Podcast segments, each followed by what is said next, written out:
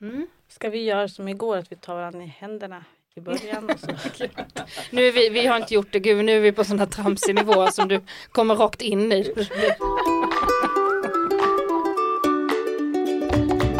Hej, jag heter Nour El Refai och jag har tillsammans med Myndigheten för familjerätt och föräldraskapsstöd på uppdrag av regeringen gjort en poddserie om hur vi föräldrar kan prata med våra barn om rasism, fientlighet och hatbrott.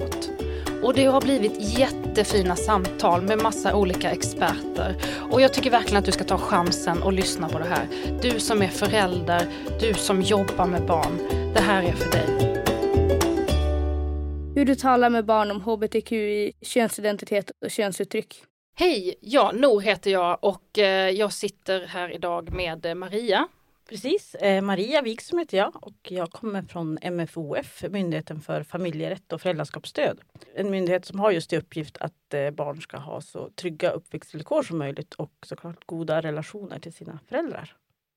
Och eh, idag har vi också med oss Anna. Vill du presentera dig?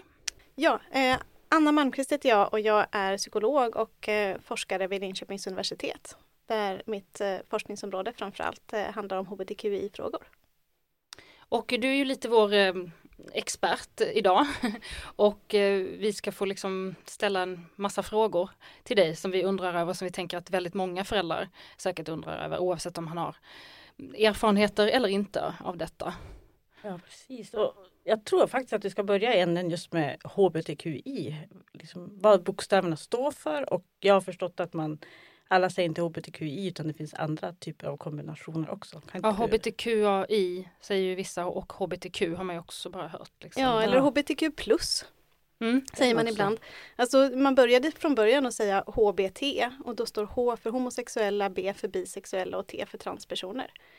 Eh, och sen har man lagt till ett Q för queera och så har man lagt till eh, eh, oftare hör man idag också ett I då för intersexpersoner.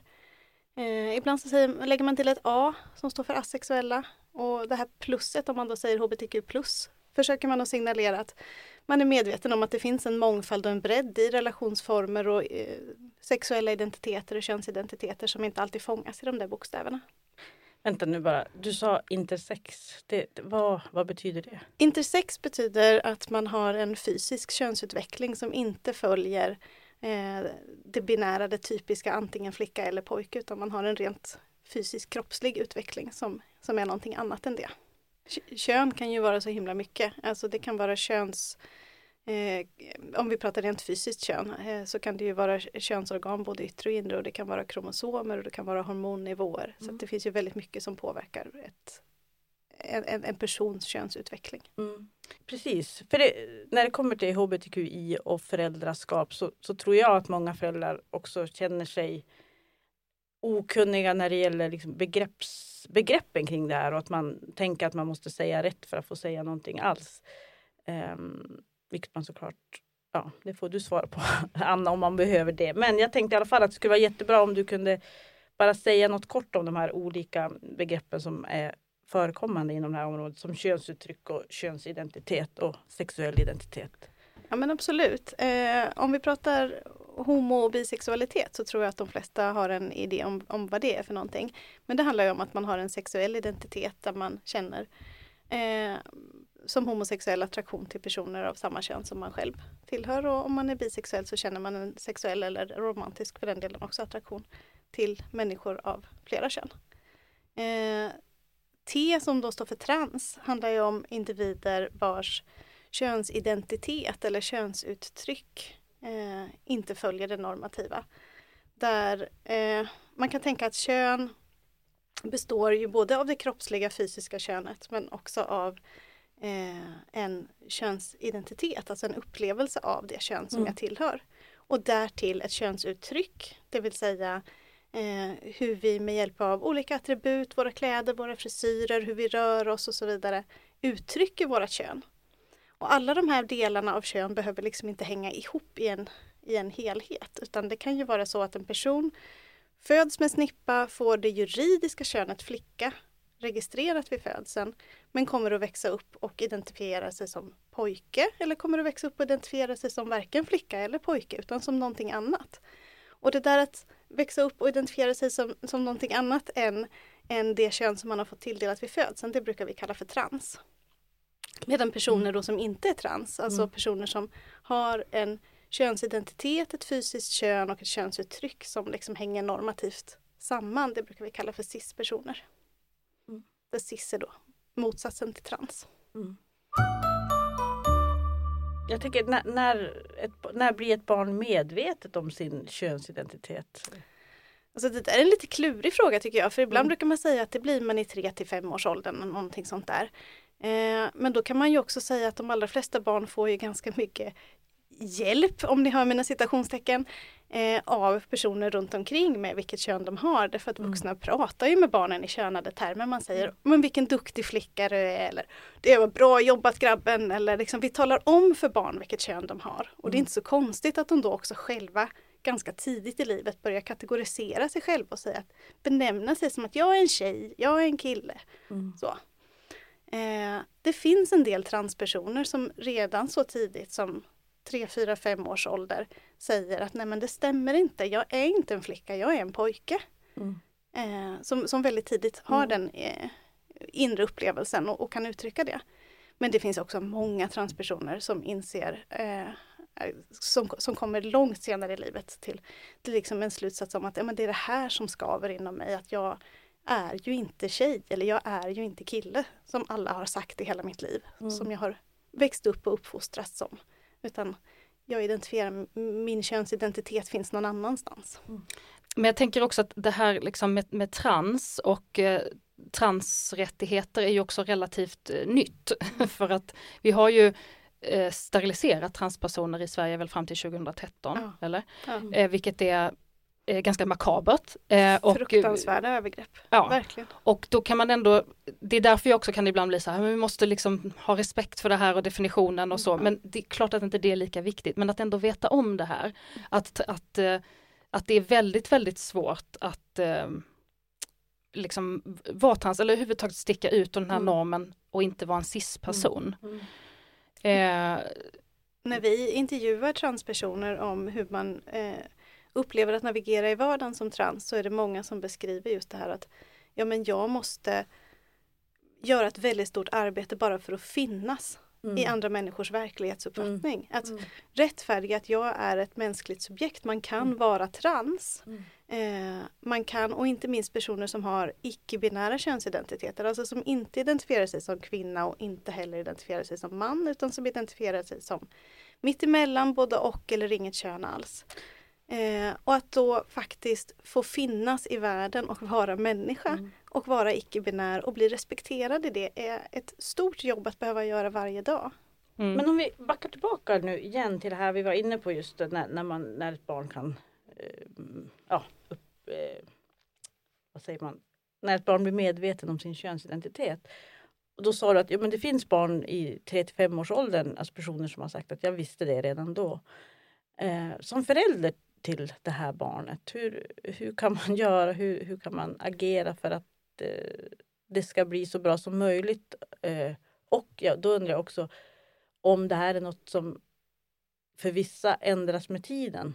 Alltså om, om ens könsidentitet också kan ändras under... Jag förstår att det kan... Om det går över. Nej, jag vet inte vad det är du menar. Men... Ja. Nej men, men nej, men, nej, men det är en så är det ju, att, att en könsidentitet är ju någonting som kan formas genom livet. Mm. Och, eh, och man kan ju leka med och prova olika könsidentiteter och olika könsuttryck i olika faser av sin uppväxt. Mm. Jag tänker att man bara ska vara följsam som förälder Mm. eh, till ett barn. Låt barnet leka med sitt könsuttryck. Bejaka och bekräfta barnet som, som den den uppfattar sig som. Och Mm. inte göra någonting så himla mycket större av det, särskilt om det är ett litet barn. Och om man liksom hamnar i det då ändå eller man kanske inte föräldern utan kanske någon släkting eller så liksom vill påtala att ja, om vi till exempel om barnets klädsel att, att, att den här pojken vill ha, ha klänning och, och nagellack eh, Ja, men varje dag. precis. Hur, att, och att det kanske är okej för föräldrarna. De, de har det här sättet som du beskriver men, men det kan finnas en äldre släkting eller så som tycker om det. Hur, hur kan man hantera det? För där kommer vi egentligen in på mer det som handlar om minoritetsstress, tänker jag. Och Mm. där kan man ju absolut som förälder behöva hjälpa sitt barn att kratta manegen på olika sätt. Precis som vi behöver göra med barn alltså i alla möjliga situationer. Alltså, har jag ett barn som är särskilt blygt så kan jag behöva hjälpa till att underlätta för barnet Mm. att skapa sina första Mm. vänskapsrelationer. Mm. Har jag ett barn som jag tänker att okej, nu vill du komma till eh, eh, nu vill du komma till skolan i klänning, de andra känner dig som pojke. Hur kommer det här att landa och tas emot? Ja, jag kanske behöver hjälpa till. Hur? Eh, genom att prata med lärare, fråga hur tror ni att det här blir? Hur kan vi hjälpa till? Hur kan vi underlätta? Vilket samtal? Alltså lita på att de på skolan är proffs på skolmiljön och kunna, eh, men kunna hjälpa till att ha de samtalen. Reflektera tillsammans både med barnet och med andra vuxna. Hur vill du, eh, vad blir bra för det här barnet i de här situationerna där vi delar upp barn i flickor och pojkar som omklädningsrumssituationer. Mm. Så. Ja, men liksom, när måste man börja prata med sitt barn om att, Mm. för man vill ju inte säga så här, det du gör det är modigt. Man vill ju bara att de ska liksom få vara Ja. sig själva. Man vill inte behöva säga, Alltså, jag som förälder kan ju förbereda mitt barn i ett tryggt sammanhang.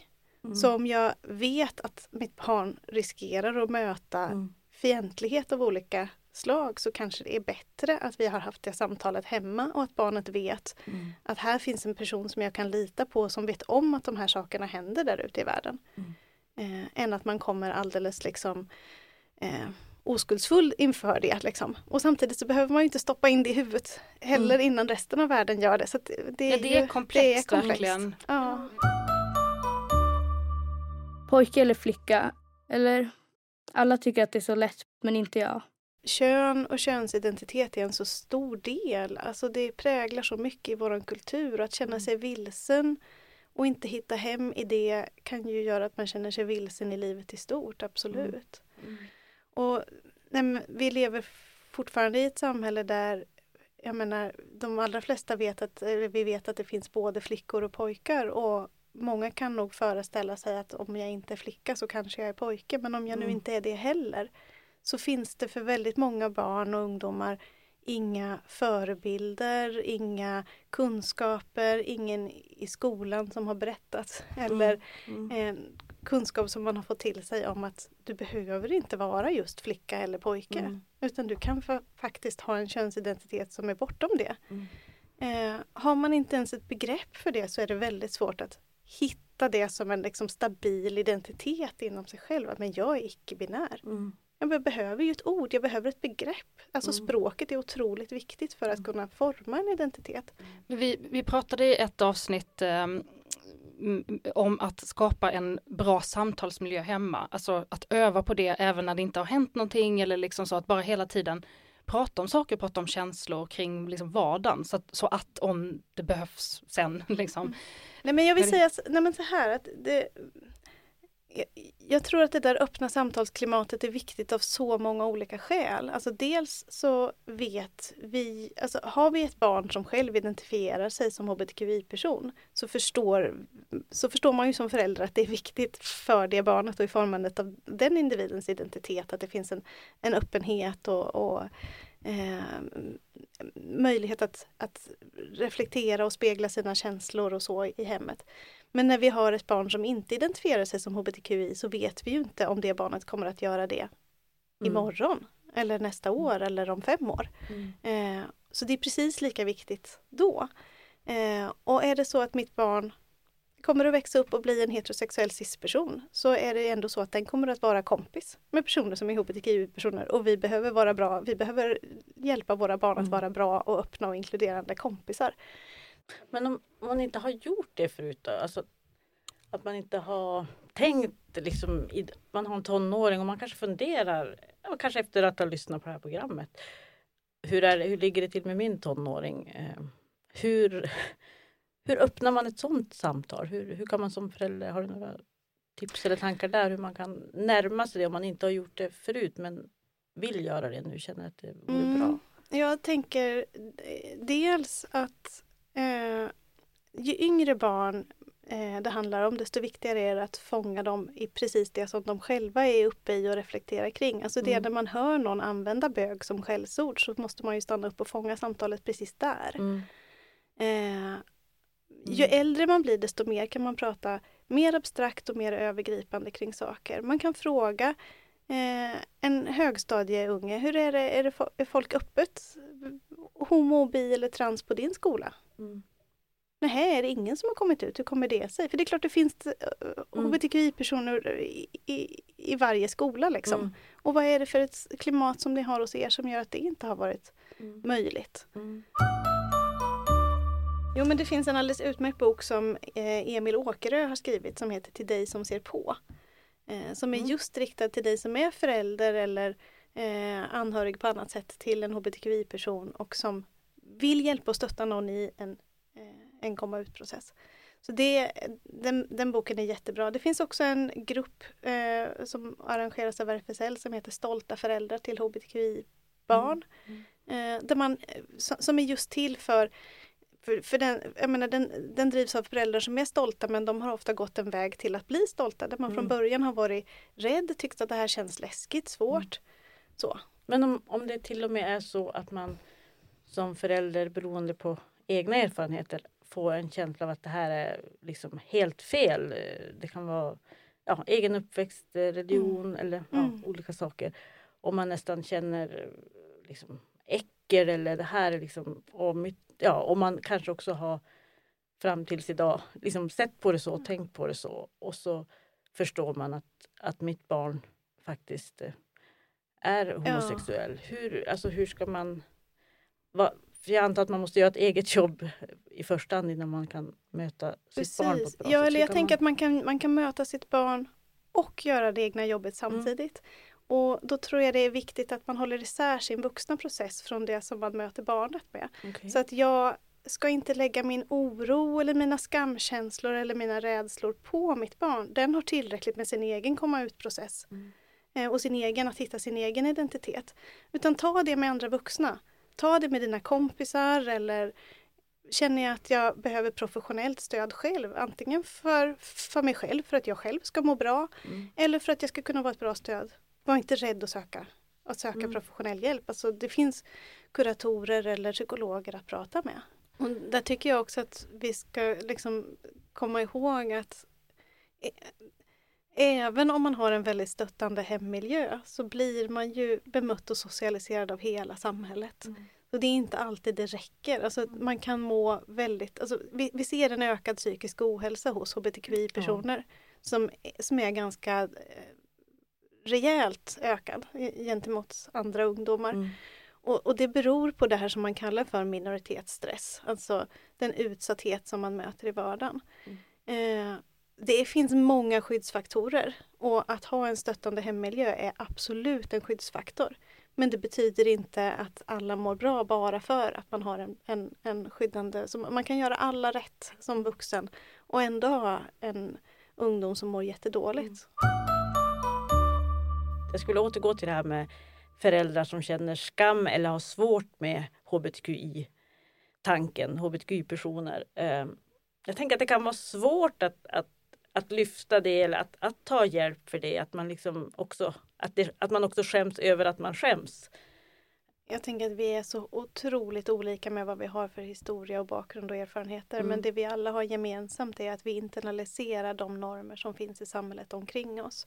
Och vi bär med oss internaliserade normer från det samhället som vi växte upp i. Som är många internalis- vad är det Internalisera det att, man plockar in, man, så sam, normer finns ute i samhället och så Mm. plockar vi in dem och gör dem till våra egna värderingar. Alltså, då har vi internaliserat dem.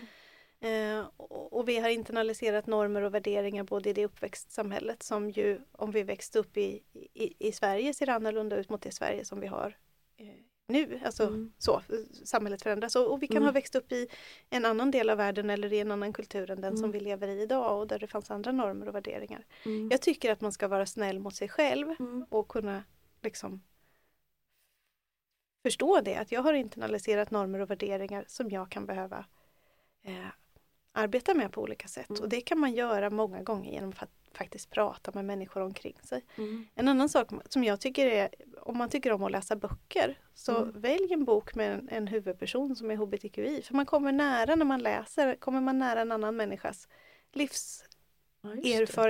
Ja. Och det gör att det blir lättare att förstå, spegla och se att ja, men vi är alla människor och vi är Mm. inte så olika.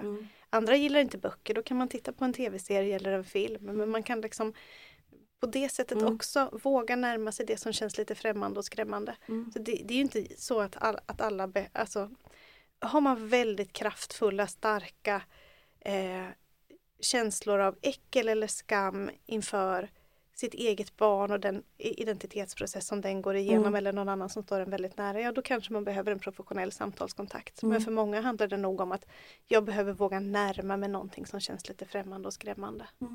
Vi har ju hört eh, uttrycket minoritetsstress eh, några gånger, men vad är det? Minoritetsstress handlar om att om man tillhör en, en minoritetsgrupp som är utsatt i samhället så utsätts man för eh, många gånger eh, hot, hat, eh, våld, eh, hot om våld, diskriminering, kränkningar av olika slag.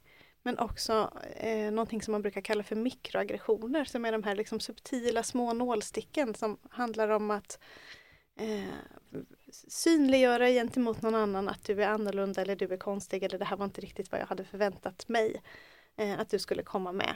Eh, och alla de där erfarenheterna, både att uppleva dem själv eller att höra berättelser om hur andra upplever eh, dem, de samlas inom en människa och blir en stress som man bär med sig eh, genom livet och i olika situationer som gör att man ofta har en, en, en förhöjd eh, en förhöjd stressnivå, en ökad belastning.